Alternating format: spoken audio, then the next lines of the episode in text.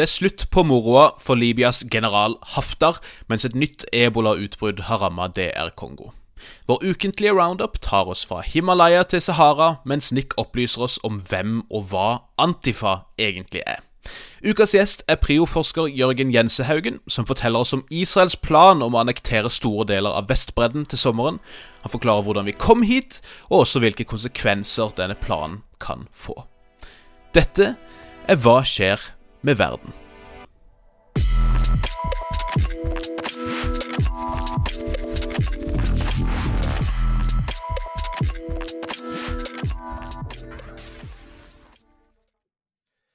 Hei og hjertelig velkommen til en rykende fersk episode av denne podkasten Hva skjer med verden? med meg, Bjørnar Østby, og min faste makker og kollega Nick Brandal. God eh, tidlig morgen til deg, Nick. God morgen sjøl. Vi begynner jo tidligere og tidligere på disse mandagene. Så eh, hvis vi fortsetter på denne måten, så, så, ender vi opp med å spille inn på før helga. jeg frykter at vi sitter midt på natta når, når høsten kommer. Klokka er 07.56 idet vi eh, innleder denne podkasten, og sånn har det blitt. Tidlig opp må man. Endelig mandag, som de sier, og det er tid da for eh, nok en ganske sørgelig nyhetsoppdatering, får vi jo si, Nick. Det er mye som skjer der ute i den ganske verden. Men vi kan jo kanskje starte med det i hvert fall en del av oss vil tenke er hyggelig, og, og gratulerer Joe Biden, Nick. Ja, han klarte nå i helga å vinne det siste nødvendige primærvalget for å ha formelt sett nok stemmer til å bli nominert som demokratene sin presidentkandidat. Nettopp. Og det får vi jo si gratulerer eh, med.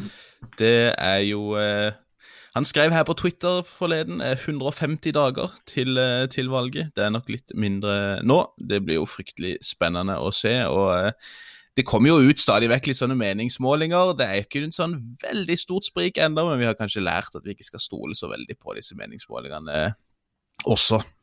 Nei, og nå, for å ta den litt sånn oppdraget som meningsmålingene Det man gjør nå, er å måle registrerte velgere. Nettopp. Eh, mens dess nærmere man kommer valget, så vil man legge inn hvem som faktisk kommer til å møte opp.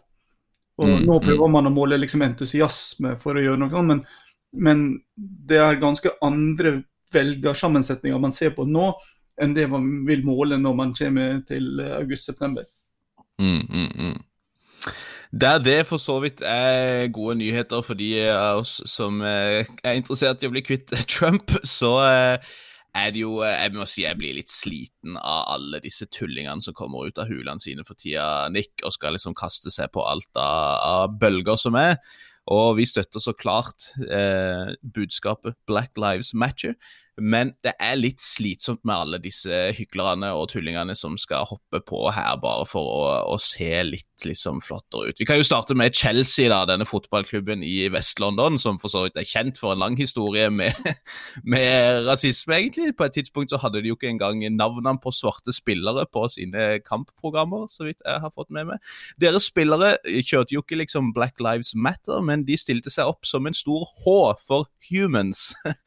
Eh, og det er jo eh, bare å gratulere med det. Da er du ikke så veldig langt fra den her All Lives Matter-greia som alltid dukker opp hver gang Black Lives Matter blir eh, nevnt. Og jeg er så lei av den All Lives Matter-greia. Det er jo litt som å skulle dundre inn i noen andres begravelse og skjelle de ut for at de ikke liksom markerer døden til en av dine fjerne slektninger. Det tar seg rett og slett ikke ut. Det må dere slutte med. Og jeg kan jo faktisk nevne min egen klubb også, Arsenal, eh, som har kjørt veldig på med, med, Black Lives Matter, og det er bra, det. Men det er jo ikke lenge siden Arsenal var ute og måtte beklage seg i Kina fordi at en av deres spillere Mesut Özil hadde vært ute og kritisert Kina for deres forferdelige behandling av uigurene. ikke sant? Så de som sparer meg, altså. Og, eh, og, de dukker jo opp stadig vekk, disse som skal fordømme USA nå. Og eh, russerne har vært ute og sier at USA må respektere den demokratiske retten til å demonstrere. Det var nytt for meg at russerne drev med, men det er nå greit. Eh, Kina har vært ute og fordømt denne kroniske sykdommen rasisme som herjer i USA, og ber USA å verne om minoriteter, mens de jo som kjent har bura inne over en million muslimske uigurer i konsentrasjonsleirer. Samtidig så er de også denne forrige uka da forbudt en markering av denne Tiananmen-massakren i eh, altså markering av den i Hongkong. Likevel så var det mange som dukka opp, skal det sies. Eh, og det, det toppa seg litt for meg, Nick, når Ramzan Kadirov, denne skurken, denne bølla av en leder som eh, styrer i Tsjetsjenia, som var sjokkert over politivold og rettighetsbrudd i USA og ba FN om å komme på banen. Og Jeg kan ikke skjønne annet enn at han er sjokkert over at politiet ikke har vært mer hardhendt Ellers så registrerte jeg det som må kunne sies å være et litt sånn hyggelig gjensyn med denne irakiske journalisten Montazer al-Zaidi. Denne mannen som eh, på mange måter, slo gjennom da han eh, kasta sin sko etter eh, Bush eh, på en pressekonferanse i var det 2007 eller noe sånt. Uh, han sto der med en uh, plakat der det sto 'From revolutionaries in Iraq, we with you against imperialism'. Så det er jo bare å takke Montazer for, uh, for det. jeg tenker jo for øvrig at det, disse her gutta som vi har nevnt opp, burde vite bedre og sitte ganske stille i båten. Det kan jo slå tilbake i trynet på de som en bumerang når, når deres egne innbyggere ser all denne, alt dette hykleriet. Eh, så det er bedre å sitte stille i båten, eller kanskje som eh, Berdi Muhammedov i Turkmenistan gjør, sitte stille på vannskuteren. Eh, der alle de andre er ute og fordømmer USA, så legger han ut bilder av seg sjøl der han cruiser rundt på sin lille vannskuter. Og det er jo langt bedre, vil jeg si.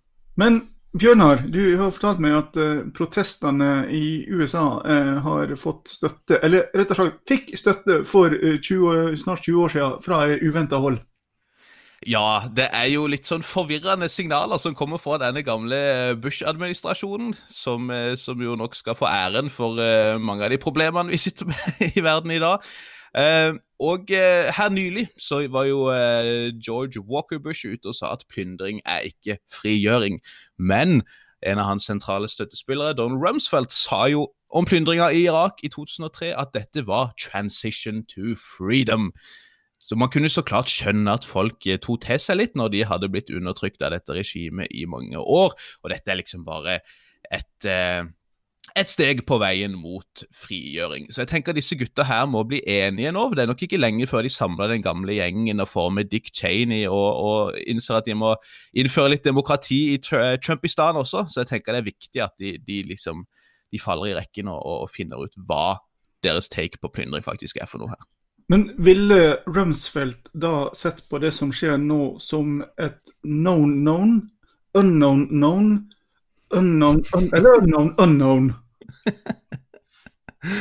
det er jo um, en million dollar-spørsmålet akkurat, uh, akkurat, her, da. Uh, og så tenker jeg også et annet viktig spørsmål er hvor, hvor, de står på USA når det gjelder USAs tilgang til masseødeleggelsesvåpen. Det er jo kanskje det som vil, som vil på en måte få de til å bikke mot Eh, en ny okkupasjon av, eh, av, et land som sårt trenger demokrati. Vi skal holde dere oppdatert på alt som skjer eh, med disse gamle gutta. Det er vel sikkert ikke lenge før både Wolfowitz og Powell er ute. Jeg så faktisk Powell var ute her, så du det? Eh, og mente at det som skilte Trump fra alle disse administrasjonene Powell hadde jobba for, var at Trump var en løgner. Eh, OK. Det er, det er notert, Powell. Det er notert.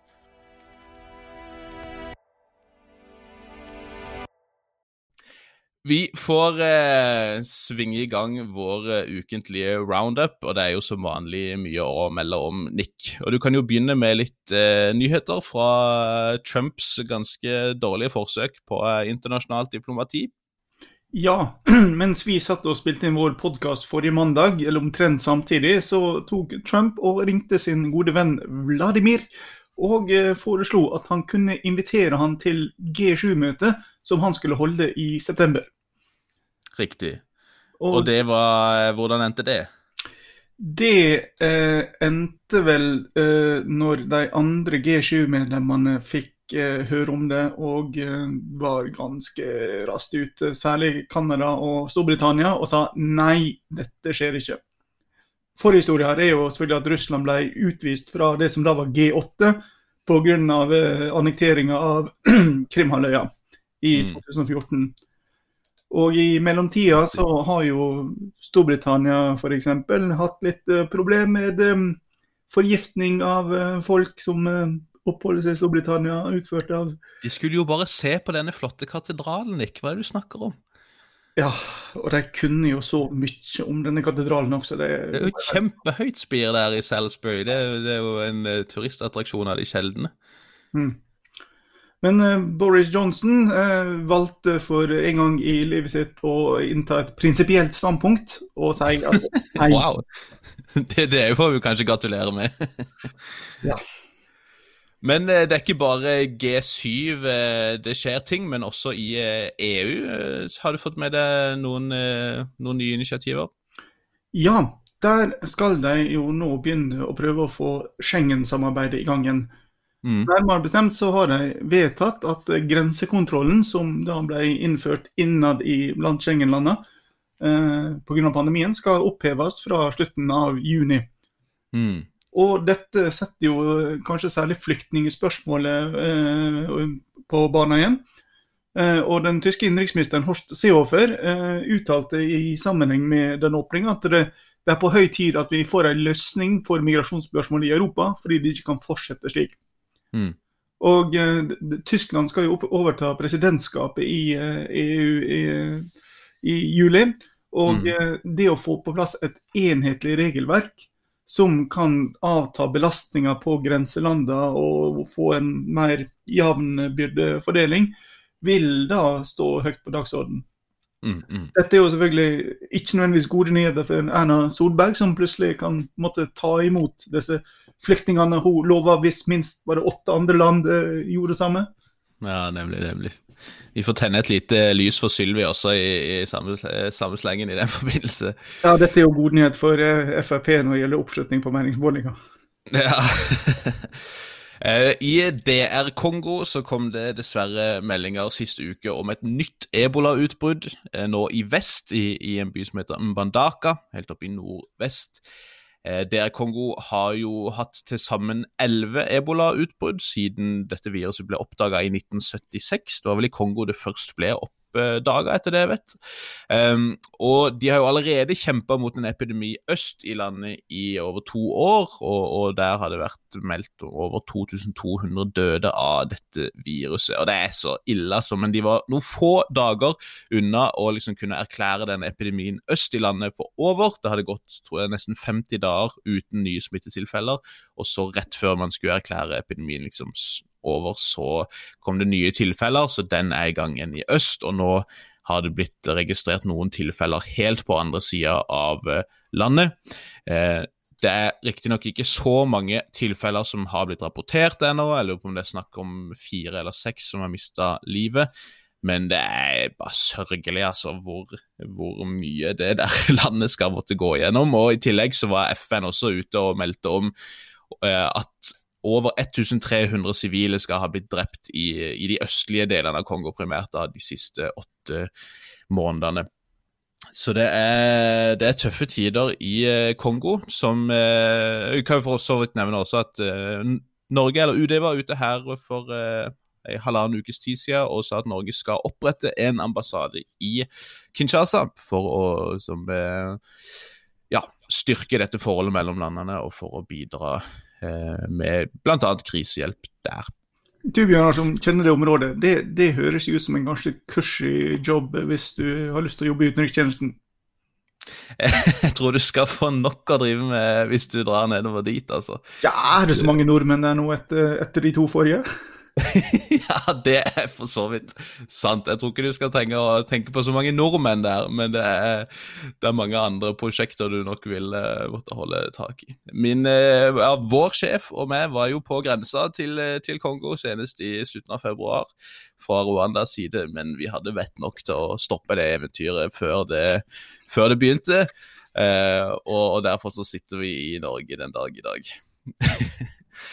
Eh, apropos eventyr, håper jeg, så har jo dette eventyret til Haftar i Libya gått på en skikkelig smell. Og denne offensiven for å ta Vest-Libya fra øst, som starta i fjor, den er nå langt på vei blitt beseira av myndighetene i Tripoli. Eh, Government of National Accord, denne her FN-støtta regjeringa i Tripoli, har nå tatt kontroll over hele Tripoli. De har tatt kontroll over den internasjonale flyplassen som ligger i utkanten av byen, etter at dette området har vært beleira i ett år. De har tatt også flere andre sentrale byer i eh, dette området, altså både sør og øst for Tripoli. Forskjellige sånne strongholds der Haftar har stått eh, sterkt, og som de har hatt som sånn baser for å da kunne eh, presse Tripoli. Eh, det var faktisk snakk om at eh, denne offensiven hadde blitt slått så langt tilbake at GNA nå er i ferd med å ta denne byen Sirte, der Gaddafi ble født. Men det ser ut som de ikke har lyktes med det ennå. Og, og, det har også vært snakk om at liksom, noen av de militære lederne i GNA har fått beskjed fra Russland om at liksom, den, deres røde linje går ved Sirte, liksom. Hit, men ikke lenger. Det får dere ikke ta. Og enn så lenge så har de heller ikke lyktes med det, men likevel så er dette en kjempesmell for Haftar. Han har eh, mista mange av de områdene han har lyktes med å ta de har fryktelig lite å vise til nå, når alt kommer til alt. Og, og også denne Wagner-gruppa, disse russiske leiesoldatene, har i det hele tatt ganske lite å vise til. Det de har lagt igjen, derimot, er en eh, teddybjørnbombe, det man vel på fagspråket ville kalt en eh, Teddy Bear Born Improvised Explosive Device, eller TBBIED på, på fint. Eh, de har rett og slett rigga eksplosiver på en stor eh, teddybjørn som ble lagt igjen. Og denne her figurerte jo da to liksom center stage i disse feiringene ved frigjøringen av Tripoli. Da løp folk rundt med en gigantisk Wagner-bjørn der, fri for eksplosiver denne gangen. I tillegg så har de faktisk også lagt fra seg ganske mye nazigraffiti, interessant nok. Eh, med både liksom sånne her 1488-greier, og det har vært tag eh, graffiti og tags der det står at de ønsker å brenne ned moskeer i Russland, og det har vært masse forskjellige nordiske runer og SS-insignier og i det hele tatt. Og det er jo for så vidt verdt å nevne at Wagner-gruppen tar sitt navn etter komponisten Richard Wagner, som jo eh, Eh, nazistene var stor fan av, og han her mannen er det Prigozjin han heter, tror jeg, som grunnla Wagner, skal visstnok også ha visse sympatier for både Wagner og for eh, nazistene, sies det. Så det kan jo forklare litt av grunnen til det. Haftar virker jo nokså desperat, og en av hans kommandører var ute og sa at nå er dette her en jihad, liksom. Det er mye av det samme røret som, som Saddam prøvde seg på mot slutten, uten videre hell. Og det virker jo som Haftar også skjønner at han må gi seg mens leken er sånn eh, levelig god, i hvert fall. Så på lørdag så dukka Haftar opp i Egypt, side om side med president Sisi. Um, og da sa Sisi da at, at eh, Haftar har akseptert et liksom, egyptisk initiativ for en våpenhvile som skulle være effektivt fra i kveld, altså mandag 8. juni.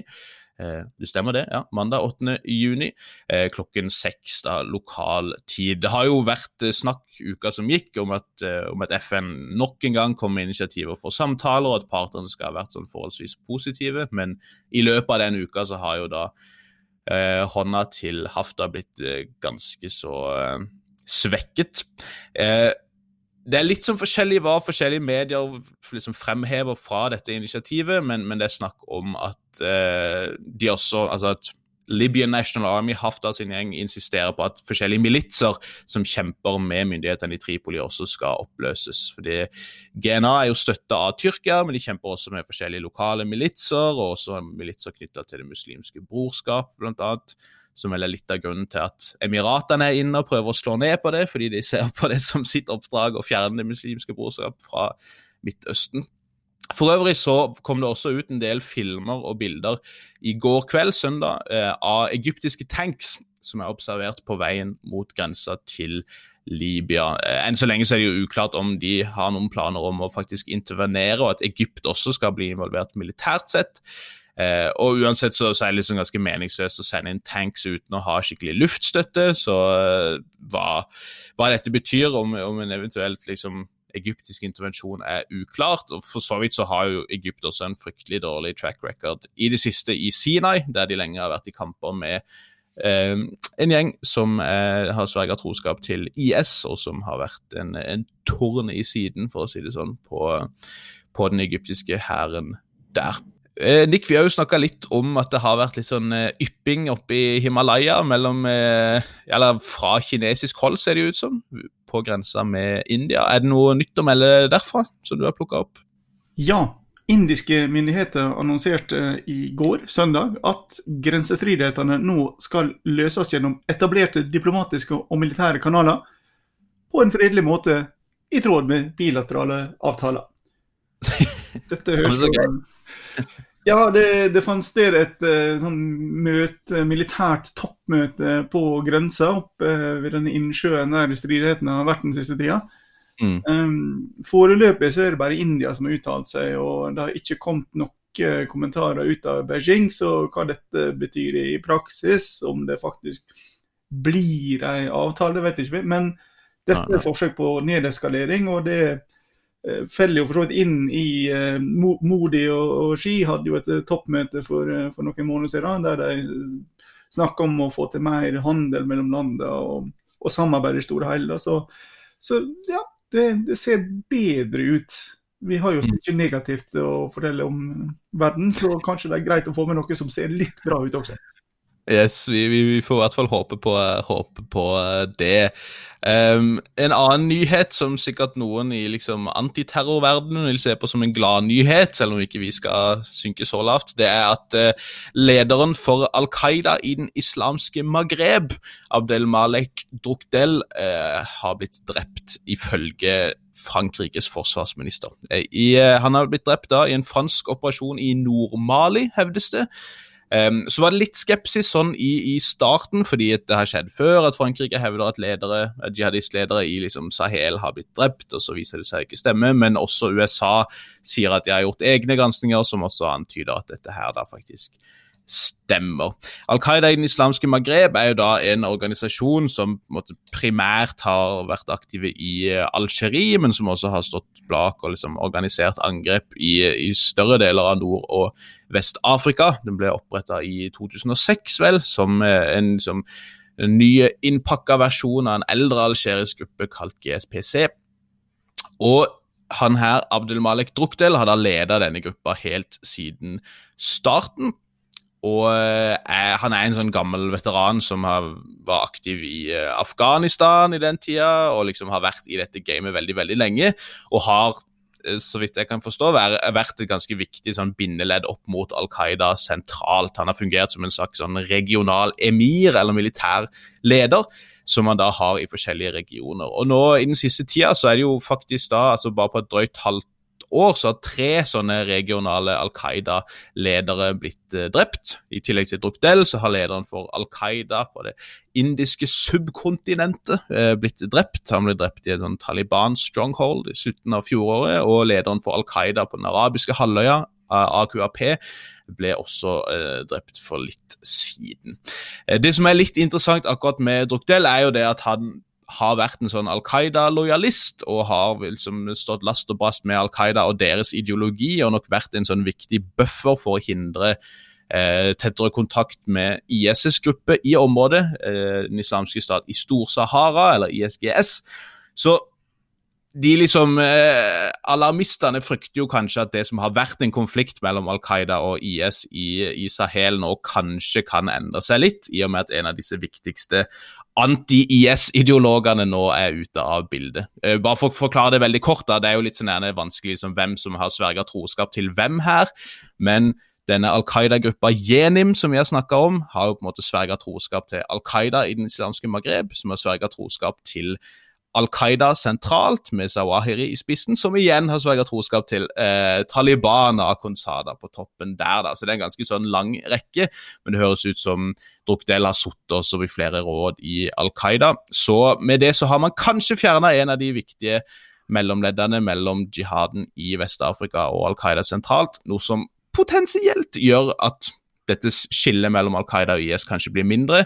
Det er også liksom spekulasjoner i at man kanskje vil se at disse Al Qaida-lojalistene i Jenim vil eh, skille seg ut, eller at man kanskje får splitta langs etniske eller ideologiske linjer der og sånt. Så vi får prøve å følge litt med på, på hvordan det der utvikler seg, men, men, det endrer plutselig ganske brått da litt av dette bildet som, som så klarere ut for bare en ukes tid siden, med åpen militær konflikt mellom Al Qaida og IS i eh, Sahel.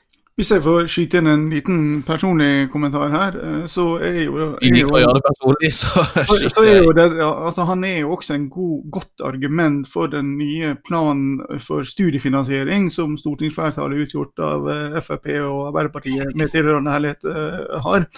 Forklar. Han, han har nemlig en bachelorgrad i matematikk. Man har en veldig sånn yrkesrelevant utdanning som man åpenbart har fått mye bruk for i arbeidslivet. Først i, som du nevner, i kampen mot uh, russerne i Afghanistan.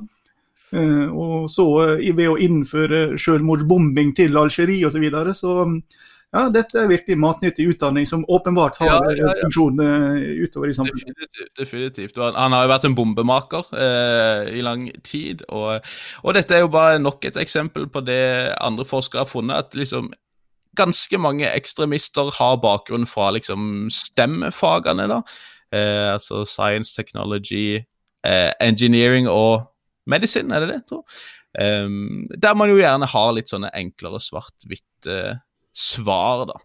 Så, så, ja, vi får håpe at uh, Erna og kompani følger med på, på uh, militærpolitikk i Sahel. Der er det veldig mye å lære også for Norge.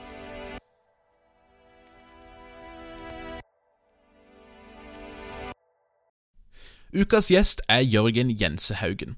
Jørgen er forsker ved PRIO, han er ekspert på den arabisk-israelske konflikten og har skrevet bok om arabisk-israelsk diplomati under Carter-administrasjonen. I dette neste segmentet får du høre vår kollega førsteamanuensis Hilde Restad intervjue Jørgen om den planlagte israelske annekteringa av store deler av Vestbredden i sommer. Det er mange viktige spørsmål som kan stilles i den forbindelse, og Jørgen kommer her til å forklare litt hvordan planen ser ut, og også hvilke juridiske og praktiske konsekvenser konsekvenser den vil kunne få. Men for å forstå dette må vi starte med litt bakgrunnshistorikk, og det gjør Jørgen nå, sånn at vi kan forstå hvordan vi har kommet frem til dagens situasjon.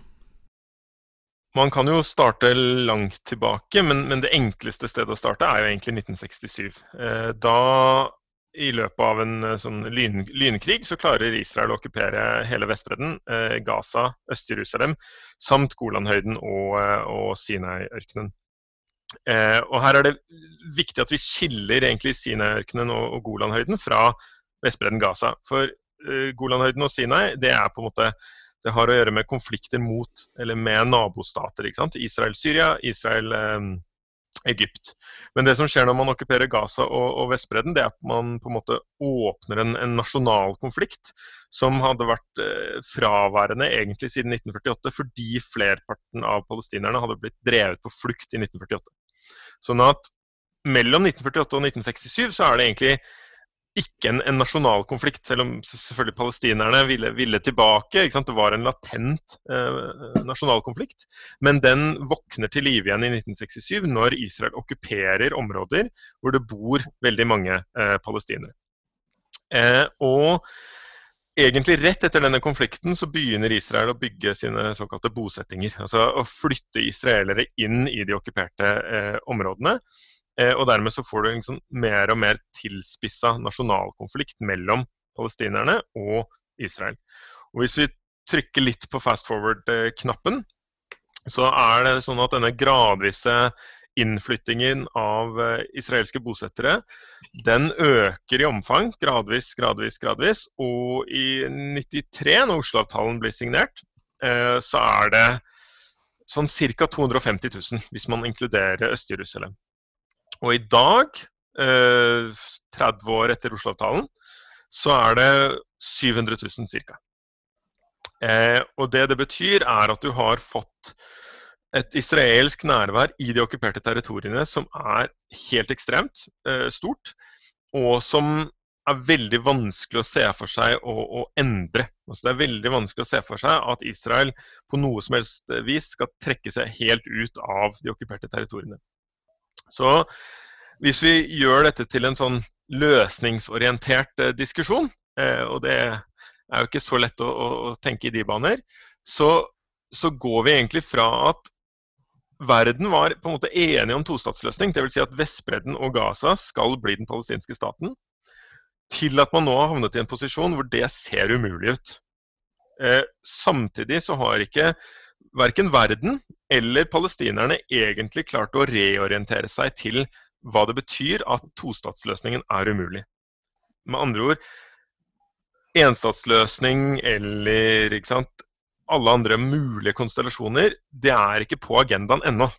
Sånn at det er en Vi har havnet i en situasjon hvor det er en diskrepanse mellom realiteten på bakken og hva man anser som plausible eh, muligheter.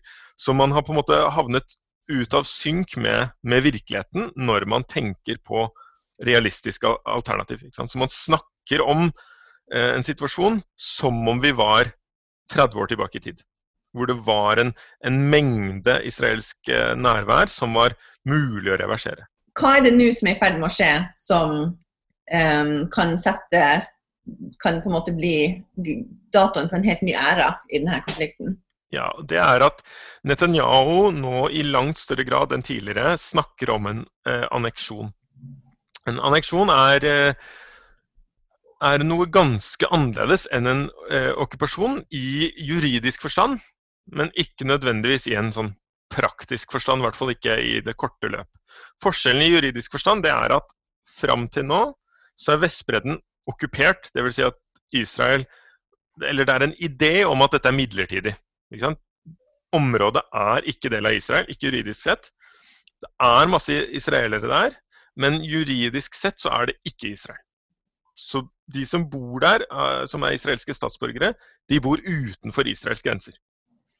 Så det er et juridisk paradoks, fordi de forholder seg til israelsk lov i kraft av å være israelske statsborgere, men de befinner seg ikke teknisk sett i Israel. Ved en annekte eh, annektering så blir området faktisk Israel. Da blir territoriet del av den juridiske staten Israel. Og da åpner vi en sånn eh, en, en, en, Pandoras eske av, av, et, av, et, rettighetsspørsmål som ikke har vært der i samme måte tidligere. Fram til nå så har palestinerne levd under okkupasjon med en slags sånn fiksjon om at dette er midlertidig. Den midlertidigheten har vart nå i 53 år. Og, og, og det er et slags varemerke ved denne konflikten at vi kaller ting midlertidig. Eh, giverlandsgruppa den kalles jo ad hoc liaison committee. ikke sant? Det er en midlertidighet. Det samme med observatørstyrkene i Hebron. De var temporary international presence. De ble jo til slutt eh, kasta ut, da. Eh, men vi har en sånn tendens til å se på ting som midlertidig i denne konflikten. Eh, 700 000 bosettere, det er jo ikke noe midlertidighet ved det. ikke sant? Man, reiser man rundt i Palestina og ser disse byggverkene, så er det stort sett ikke midlertidige eh, byggverk. Men okkupasjonen har gitt denne fiksjonen om, om midlertidighet. Anneksjon, eller annektering, det fjerner den, eh, den fik fiksjonen der. Den sier at nå er dette permanent. Det, dette er staten Israel. Og da må man plutselig forholde seg til hva gjør man med palestinerne juridisk sett.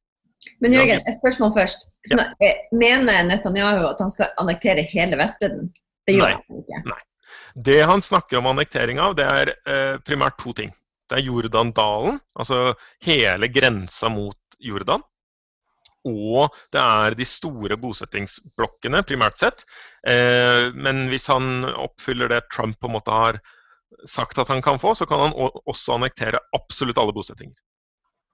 Eh, så i direkte forstand så, så, vil eh, si, rettighetsspørsmålet, statsborgerskapsspørsmålet for palestinerne, det vil eh, første omgang gjelde de palestinerne som bor i de annekterte områdene. Men grunnen til at det åpner en slags videre Pandoras eske om, om rettighetsspørsmålet, det er fordi idet du har annektert Jordandalen samt bosettingene, så er det ikke mulig å se for seg en palestinsk stat. Dermed vil det for palestinerne plutselig være en situasjon hvor midlertidigheten er en fiksjon. De kan, ikke, de, kan ikke, se for seg en tostatsløsning lenger. Det er ikke mulig når du har gjort så store deler av Vestbredden om til faktisk Israel. Eh, og hva skjer da? Det er da den diskrepansen mellom hva som er mulig og hva som faktisk er der på bakken, eh, vil bli enda tydeligere. Kommer palestinerne da til å be om, om statsborgerskap? Kommer de fortsatt til å kreve at sant, vi skal ha to stater? Eh, hva, hva, kommer verden til å insistere på? Kommer de til å insistere på ok, la skal vi rulle tilbake til før annektering? Det blir plutselig En okkupasjon blir på en måte en sånn eh, ja, Da var det i hvert fall ikke annektert. Ikke da var det bare okkupasjon. Hva skal man gjøre med, med området da, politisk? Kan man ikke bare se for seg en situasjon hvor um, fordi altså Israel annekterte jo Øst-Jerusalem. Mm. Um, og der Og Golanhøyden. Ja. Så i Jerusalem har man jo en situasjon som kanskje kan fortelle oss litt om hva som eventuelt kan skje mm. på Vestbredden hvor du har to veldig ulike deler. Du har en palestinsk del og en israelsk del. Eh, ekstrem økonomisk, sosial ulikhet, ekstrem ulikhet mellom rettigheter. Det er ikke alle i Jerusalem som har statsborgerskap. ikke sant? Mm. Um, et slags, altså Bare videreføre en, en ekstremt segregert, eh, segregerende, diskriminerende mm. politisk mm. virkelighet. da. Ja. Så Det som er spesielt med Jerusalem, da, det er at for det første så er jo dette det, sant, det viktigste området, eh, symbolsk sett, for liksom å ha en idé om en nasjonalstat. Ho hovedstaden. Um, men fram til nå så har det på en måte vært unntaket. Eh, og der har du dette, denne parallelle verden som, som du snakker så godt om.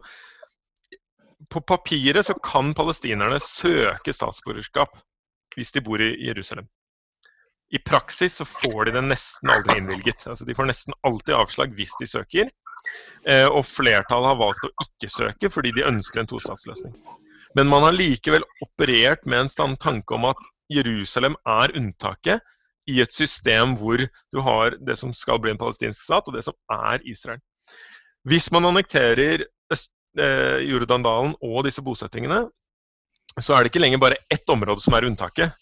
Da er på en måte hele systemet blir eh, israelske statsborgere og ikke-israelske statsborgere som bor i, i, i, det området. Men jeg er helt enig at sannsynligvis så vil Israel prøve å på en måte gjennomføre Jerusalem-modellen i alle de okkuperte eh, områdene. Men det er da mye vanskeligere å forestille seg at eh, dette bare er et unntak, for da blir det standarden. For Man kan liksom bare se for seg det, to muligheter, tenker jeg. Og den, den, den, mest logiske muligheten er jo at det blir én stor stat hvor alle er statsborgere og alle har like rettigheter. Men jeg kan ikke se for meg at det er det som er planen til Netanyahu. Nei. Og det har han jo vært helt tydelig på. sånn at Han er ikke interessert i engang ha den fiksjonen som ligger i Jerusalem om at det er mulig å søke det er lov å søke statsborgerskap. Han har vært helt tydelig på at nei, men i Jordandalen så får de ikke statsborgerskap. Punktum. Um, sånn at dette, er, dette går inn i essensen av en av dilemmaene til staten Israel. Jødisk stat eller demokratisk stat. Og så lenge man har hatt eh, okkupasjonen og staten liggende side om side, så, så, har Israel kunnet si at i Israel så er vi en demokratisk stat. I de okkuperte områdene så er vi et midlertidig eh, regime hvor det bor mange israelere. Hvis man eh, annekterer, så må man til slutt velge. Hvis da palestinerne bor i dette området og ikke får statsborgerskap, ja, da slutter det å være en demokratisk stat. Da, da, kan du ikke lenger si at dette er eh, vi er demokratisk der, men ikke der. Ja? For da er det én juridisk helhet. Da, blir, da, slutter det å være demokratisk. Alternativt så kan man si ok, alle som bor i dette området, får statsborgerskap. Fordi vi syns det er en verdi å være en demokratisk stat. Men da når man etter hvert et punkt hvor eh, så stor del av befolkningen ikke er jødisk. Eh, og, og, og, i en sånn liberaldemokratisk tradisjon hvor, hvor, stor andel av en befolkning er en minoritetsbefolkning før det, det på en måte påvirker statens karakter? Eh, hvor lenge kan du hevde at du er en jødisk stat når 20% 30% 40% 50% ikke er jødisk? Enn så lenge så er ca. 20% av befolkningen i Israel Eh, ikke-jødisk. Um, og det er da stort sett palestinerne som bor innenfor Israels grenser. Men hvis du utvider hva som er Israels faktiske grenser, eh, og du vil alle som bor i det, det statsborgerskap, så, så, blir det ikke lenger 20 Da, blir det, da, da er det et økende, økende tall. For meg så det gir veldig assosiasjoner og paralleller til det dilemmaet USA har hatt i sin også relativt korte periode som stat, som måtte grunnlegges på nytt eh, med en, en borgerkrig. Eh, og komme opp med nye grunnlovstillegg. Tre nye grunnlovstillegg som kalles for the second founding. Mm. Eh, som ga statsborgerskap og stemmerett til svarte menn. Um, og som 100 år etterpå måtte gjennom a second reconstruction um, gjennom, med borgerrettighetsbevegelsen på 60-tallet for å faktisk implementere de teoretiske rettighetene de har fått i de grunnløstilleggene i den andre mm. eh, grunnleggelsen. Mm. Um, det er vel ikke umulig at Israel også må gjennom en sånn type utvikling for å på en måte takle måten Israel ble grunnlagt på, og hvilke verdier man skal være grunnlag på, og hva man skal representere. ikke sant? Mm. Så et paradoks her er at palestinerne, som jo på en måte er liksom disse svakeste de har vært på veldig, veldig lenge, ved en annektering så er paradoksalt nok plutselig ballen i deres hender. Eller deres føtter, om man foretrekker fotballmetaforen. Ja, de, må, de, må, bestemme hva slags, hva slags, politisk kamp er det vi skal føre. Hva er vår målsetting? Hvis palestinerne fortsetter å insistere nei, vi fører en nasjonal frigjøringskamp, altså vi vil ha en egen uavhengig stat, eh, da på en måte jobber man inn i en virkelighet hvor det har blitt umulig, men man fortsetter. Det andre alternativet er at man sier OK, nasjonal frigjøring er umulig. Israel har blitt for sterkt, de har annektert territoriet. Det er ikke mulig å forestille seg at vi skal bygge en stat her. La oss gå for en borgerrettighetskamp. La oss kreve våre rettigheter innad i dette territoriet. Eh, og for å forstå hvor vanskelig en sånn omorganisering ideologisk er for palestinerne, så må man gå tilbake i palestinsk historie. For palestinerne, da de bygde opp eh, PLO og Fatah og disse eh, geriljagruppene som starta på 50-tallet og inn i, i 60-tallet og liksom formelt befester seg på, på 70-tallet, så var deres opprinnelige krav det var én demokratisk stat i hele territoriet. Ok, så, så, så, med en gang så hakker man da på, på, detaljer. Ja, men de sa ingen jøder skal bo i denne staten. Så var det diskusjon om hvilke jøder kunne bo i denne staten. Var det de som hadde bodd der før 48? Hva med de som kom etterpå? ikke sant? Masse diskusjoner om det. Men det var primært snakk om en én demokratisk stat primært for, for, palestinere, med noen forståelser om at noen jøder kunne bo der, eh, osv. Men hele denne ideen om én demokratisk stat, som PLO opprinnelig fronta, den fikk de massiv kritikk for. Eh, og de sta, de, man nådde en forståelse om at du kan ikke bare fjerne Israel. Israel er en realitet. Vi må forholde oss til den. Det er helt urealistisk å si at hele territoriet er, er vårt. Eh, og så starta man en intern kamp blant palestinere for å bevege seg mot både å anerkjenne Israel som et faktum, og å si at vår nasjonale frigjøring skal bare gjelde visse deler av territoriet. Altså tostatsløsningen. Og denne interne politiske kampen på palestinsk side, den førte til, til masse dødsfall. Den førte til eh, drap internt. Det var en, en svær politisk dragkamp. Eh, og dette var en prosess som gikk over lang tid. I 1974 så kom, kom første signalet på at man var villig til å akseptere Israel eh, og ha en slags tostatsløsning. I 77 ble dette tydeligere befestet. Og i, i 1988 så kom liksom det endelige. Nå eh, skal vi ha en tostatsløsning. Eh, og dette var jo etter massivt eksternt press fra det internasjonale samfunn. Fra, fra, Israel, som krevde anerkjennelse, fra USA, men også disse interne dragkampene innad blant palestinerne. Og nå er plutselig ikke det mulig lenger. Og så skal man da sant, reversere all den interne eh, kampene for å nå dette politiske visjonen. Og så skal vi si ok, vi gir opp det også. Nå går vi tilbake til det vi opprinnelig krevde. Det vil, det, vil, føles da som sant, 50 år med bortkasta interne eh, kamper. Eh, at man på en måte gir opp et nasjonalt prosjekt som man har jobbet så mye for å, for å sette på den internasjonale dagsorden. Det blir på mange måter å starte tilbake til, til eh, trinn én i, i, i, en, prosess som har gått over lang tid. Men er det noen generasjonsforskjeller her? Eh, fordi jeg er en sånn vag oppfatning om at den yngre generasjonen ikke er helt på lag med den eldre generasjonen, og at kanskje den yngre generasjonen er litt mer åpen for en enstatsløsning. Kan det, er det stemme, den, den vage oppfatninga har? Jeg, jeg, tror litt både og. Eh, på den ene siden så er det helt tydelig at den eldre generasjonen har monopolisert eh, palestinsk politikk. Så hvis du er en ung palestiner i dag, så har du ikke noe representasjonsmulighet. Du, det, er, det, er, det, er, null kontaktflate mellom hva du mener, og hva eh, liksom, regjeringen eller partiene dine fører av politikk. Og det er også en sånn økende støtte for enstatsløsningen.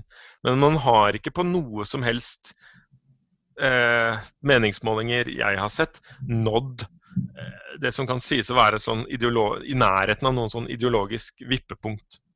Så man er, man, spesielt de unge kanskje, har beveget seg mot at tostatsløsning er umulig. Men den har ikke beveget seg mot vi ønsker enstatsløsning. Mm. Om noe så har den kanskje beveget seg mot situasjonen er håpløs, og vi har ingen som representerer oss. Det er en, en grusom situasjon å være i for en, en befolkning. Det er en håpløs eh, situasjon. Det er en følelse av å være forlatt, både av, av, sine egne, av verdenssamfunnet, og være skviset inn i et, inn i et uh, hjørne.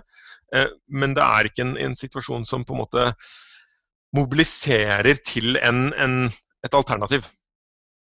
Uh, nå kan det selvfølgelig hende at, at det, det, kommer.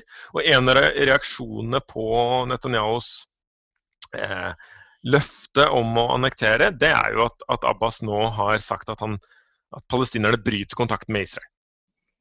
Enn så lenge så vet man ikke helt hva det betyr, fordi det har Mohammed Abbas sagt før, og ikke innfridd. Det ser hakket mer alvorlig ut uh, denne gangen. Uh, men hvor langt er man villig til å trekke det, og hva vil det bety for hvordan man ser på løsninger fremover? Det er fortsatt uvisst. Kan dette over tid føre til en del statsløshet i Israel? Altså De som er allerede statsborgere i Israel, det er ikke noe jeg ser for meg.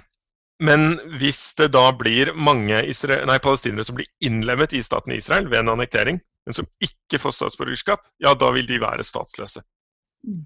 Eh, og det er jo litt sånn i Allerede, egentlig, sånn, når man i UDI bruker begrepet statsløs, så er det i ganske høyt andel av tilfellene snakk om palestinere. De er på en måte definisjonen på statsløse sånn i utgangspunktet. Um, Sånn at uh, her har vi et, et slags paradoks da, som, som, kanskje forklarer uh, hvorfor det ikke nødvendigvis annektering vil med en gang føre til at man krever statsborgerskap. Det er at palestinere vil da gå fra å være statsløse et sted til statsløse et annet sted. Um, sånn at i en sånn direkte forstand så, så vil ikke palestinernes uh, dagligliv nødvendigvis endres med en gang av en annektering. Men på en måte rammeverket dette skjer inn i, det endres. That's great. Kjempeinspirerende og motiverende og optimistisk. Og eh, det føles som verden er i ferd med å gå i riktig retning. jeg tror at hvis man kommer med en eh, optimistisk analyse nå, så er man ikke en god analytiker. Ja, vi, ikke, vi, skal, ikke, vi skal, ikke, tilby falskt håp. Eh, er det noe mer du, du, tenker at vi må være klar over, Jørgen? Er det noe du ikke har fått sagt? Ja, nå har jeg vel snakka i vet ikke, ikke så mange minutter, så det er fryktelig mye jeg ikke har fått sagt. Men uh,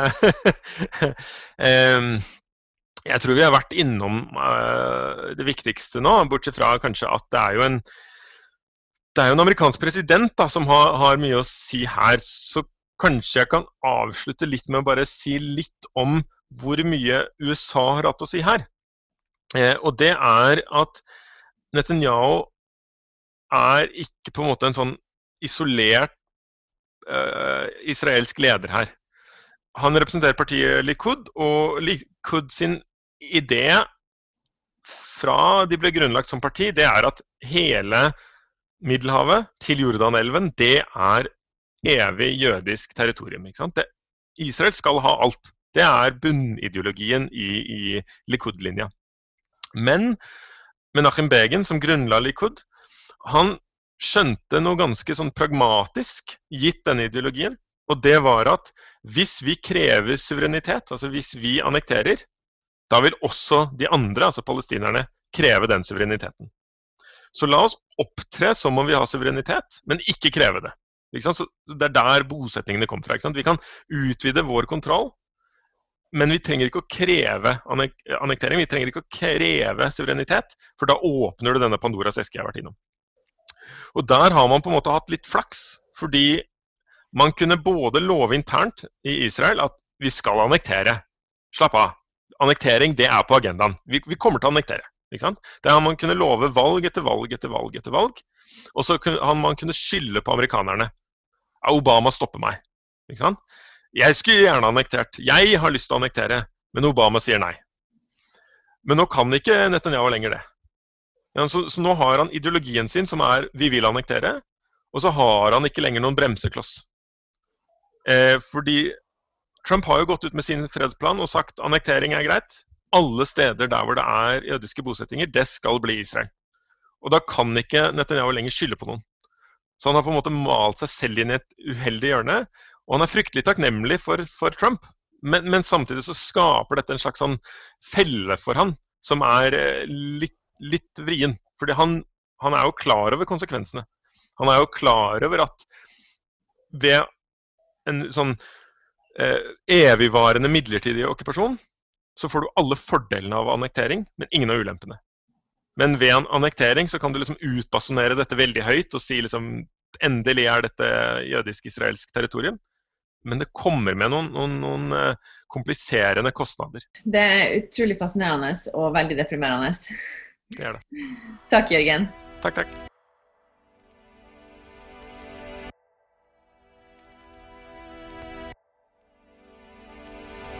Det har jo vært en ganske historisk helg på mange måter, eh, Nick, med gigantiske demonstrasjoner.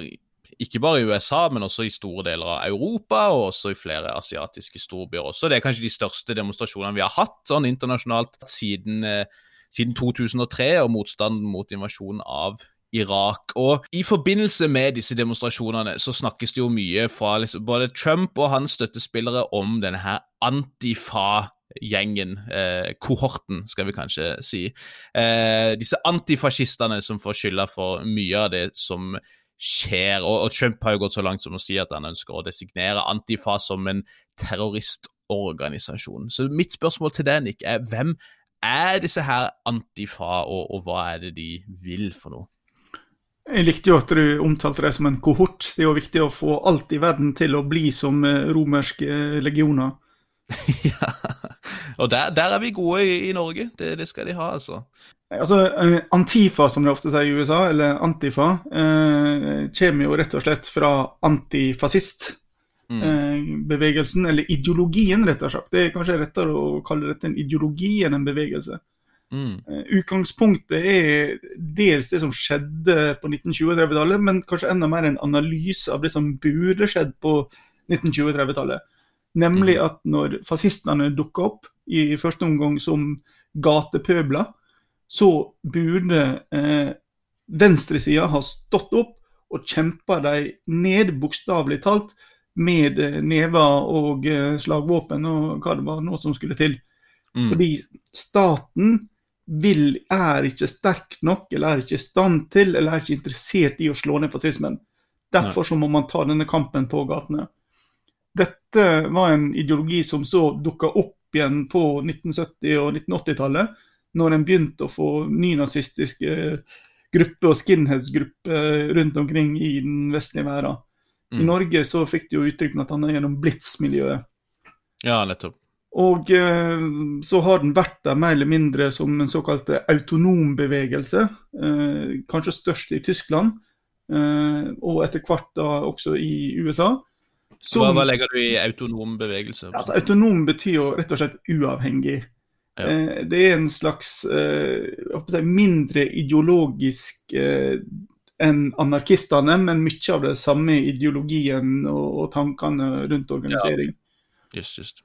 Og du kan si at det, det er jo da en sånn laus kollektiv av ulike grupper, nettverk og individ som dels har noen felles ideer, men dels har litt forbindelser. Mest på personnivå, ikke på sånn institusjonsnivå eller på organisasjonsnivå.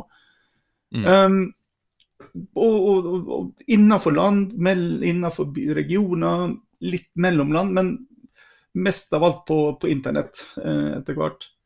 Ja, ja. Og eh, etter, etter, Trump vant valget i USA, så har jo dette blitt en større, større og større del av protestbevegelsen i USA. Og, det, og du har fått eh, tilslutning også fra sånn mer mainstream eller sentrumsorienterte eh, personer. Mm. Eh, men det er fortsatt først og fremst en uh, ungdomsbevegelse. Det er, ikke, det er, ikke, så veldig mange med fast jobb der. Det, er, det er studenter og, og, og tilhørende herligheter, stort sett. Mm. Og uh, de har jo da blitt en sånn veldig grei eh, skremmebilde for høyresida når de trenger noe fast å, å peke på som skremmende. De snakker om ikke sant, altså venstresida, inkludert Joe Biden, er jo nå the extreme left. Ja, ja. Men det virker jo som mye av poenget deres, eller altså det de prøver å si, er at disse her er farlige fordi de er så voldelige. Men er det liksom typisk antifa å være voldelige, eller liksom mer voldelige enn ytre høyre? For i, i, en amerikansk kontekst så ser det ut som det er ytre høyre som har stått for drapene i all hovedsak, mens antifa liksom har smasha litt søppeldunker og, og, vinduer her og der, holdt på å si.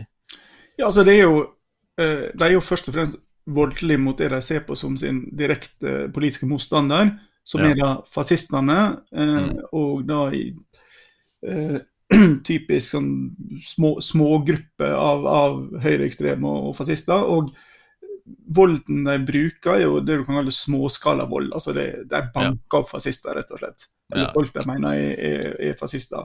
Knus litt kneskåler? ja, jeg er ikke sikker på om de går så langt engang. En, en gang. Eh, og, og, og, så er det ødeleggelse av eiendom. Eh, ja, ok. Mm. Og, og, altså, og, du kan si at igjen, hvis du skal snakke om ideologi her, så, så de er mer orientert mot handling. At handlinga er ideologisk, enn at de har en veldig ideologisk begrunnelse. Og Dette er jo mm. en del av grunnen til at venstresida heller egentlig ikke er så veldig glad i dem. Nei, nei, nettopp. og, og, og, særlig den organiserte venstresida, altså de som er eh, kommunister av ulike slag, som mener at du må ha en teori du må ha en ideologi som kan forklare, begrunne og strukturere handlingene dine. De mm. syns at dette er helt forferdelig. Mm. Eh, for det, dette her er sånn meningsløs vold som bare bidrar til å skape fiendebilder og osv. Ja, ja, ja. Så kommunistene er ikke voldelige nok, og Antifa er ikke, er ikke ideologiske nok, på en måte? da? Eh, ja, altså for hvis, du er, liksom... hvis du er på sånn sentrum-venstre, så er jo det analysen. Ja, ja nettopp. nettopp, ja. Mm. Riktig. Så, eh, men jeg håper å si, i hvilken grad tror du Antifa kan få noen sånn en genuin politisk innflytelse? Blir det stort sett bare en sånn en subkultur som popper opp der det er opportunt, eller, eller kan de ha mer innflytelse i, i, politikken, altså der de dukker opp både i USA og, og i Vest-Europa nå for tida, tror du? Altså, De har jo ikke innflytelse i det hele tatt, eh, for, blant annet fordi de mangler organisering. Mm. Og fordi at dette er ikke noe som tiltrekker seg veldig mye folk over tid. Nei, nei. Altså, det å drive og, og, leve denne tilværelsen er noe du, som du holder på med når du er ung, og så, og så slutter du. Nettopp, nettopp. Eh, ti, ti, år er liksom det men sier. aktivisttilværelsen varer i ti år. Det, det, er så lenge som du klarer det. Ja, ja, ja, da, da, da, blir andre ting viktigere. Nettopp, nettopp. Og, og de er jo ikke, heller ikke et stort innslag i disse demonstrasjonene vi har sett i USA. Nei. Eh, Nei, det virker jo som det, det, blåses opp fullstendig ut av proporsjoner av, av Trump og hans eh, Ja da, også, og, og, og, og, som vanlig så kommer han jo med sånn tullete greier. Du snakka at han sa at det skulle erklæres som en terrororganisasjon. Det kan han faktisk ikke gjøre. Det har ikke han lov til for den amerikanske nei. domestic, som det heter. Nei, nei. Nei, og det største problemet er at det ikke er en organisasjon, som du sier, at de er svært dårlig organiserte, så det er vanskelig å si hvem man skal sette på den lista i første omgang, da. Mm. Takk skal du ha. Vi får, eh, vi får, følge litt mer eh, med på dette i tiden framover, men det høres jo ikke ut som det er grunn til å tro at dette blir en sånn veldig måte, vedvarende politiske eh, spillere med innflytelse på sikt, mer enn kanskje som en slags stråmann for Trump og hans folk. Ja, Det er et forsøk på å avspore debatten og få den over på et sted som er mer behagelig for eh, republikanerne. Mm, mm, nettopp, nettopp. Vi går mot en, en slutt her. Vi, vi, holder jo stadig på lengre her, men det, det, er så mye som skjer, og vi ønsker jo å holde dere oppdatert. Eh, hvis du eh, ønsker å lære mer om litt andre ting, så har jo faktisk Bjørknes høgskole lansert flere nye podkaster nå for tiden. Den vil blitt opp en podkast som heter Sykt interessant med P sykt interessant, som du kan finne akkurat de samme stedene der du finner vår podkast. Eh, og Der kan du lære mer om din egen syke dersom du ønsker å forstå deg selv, i tillegg til å prøve å forstå verden utenfor deg. Så hvis du blir for deprimert av å høre på alle problemer som vi legger opp til, så bør du høre på den etterpå. Så får du kanskje de verktøyene du trenger for å få orden på ditt eget liv etterpå igjen. Nettopp. nettopp.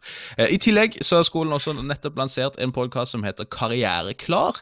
Eh, så dersom du er student, eller dersom du tenker å bli student, eller dersom du er usikker på hva du ønsker å gjøre videre, eller hvilke verktøy du trenger for å ta de beste valgene i din karriere, så kan du lytte til den med vår karriereveileder Maria Gulseth Roås. Så der var noen sånne korte tips eh, på slutten der, altså. Eh, vi får si takk for følget nok en gang. Vi setter veldig pris på at dere orker å lytte til oss. Og dere må jo gjerne dele det ikke så glade budskapet videre til andre som også kan være interessert. Følg oss der du laster ned podkaster, og så høres vi igjen veldig snart. Takk skal du ha, Annik. Hei, hei. Vi snakkes.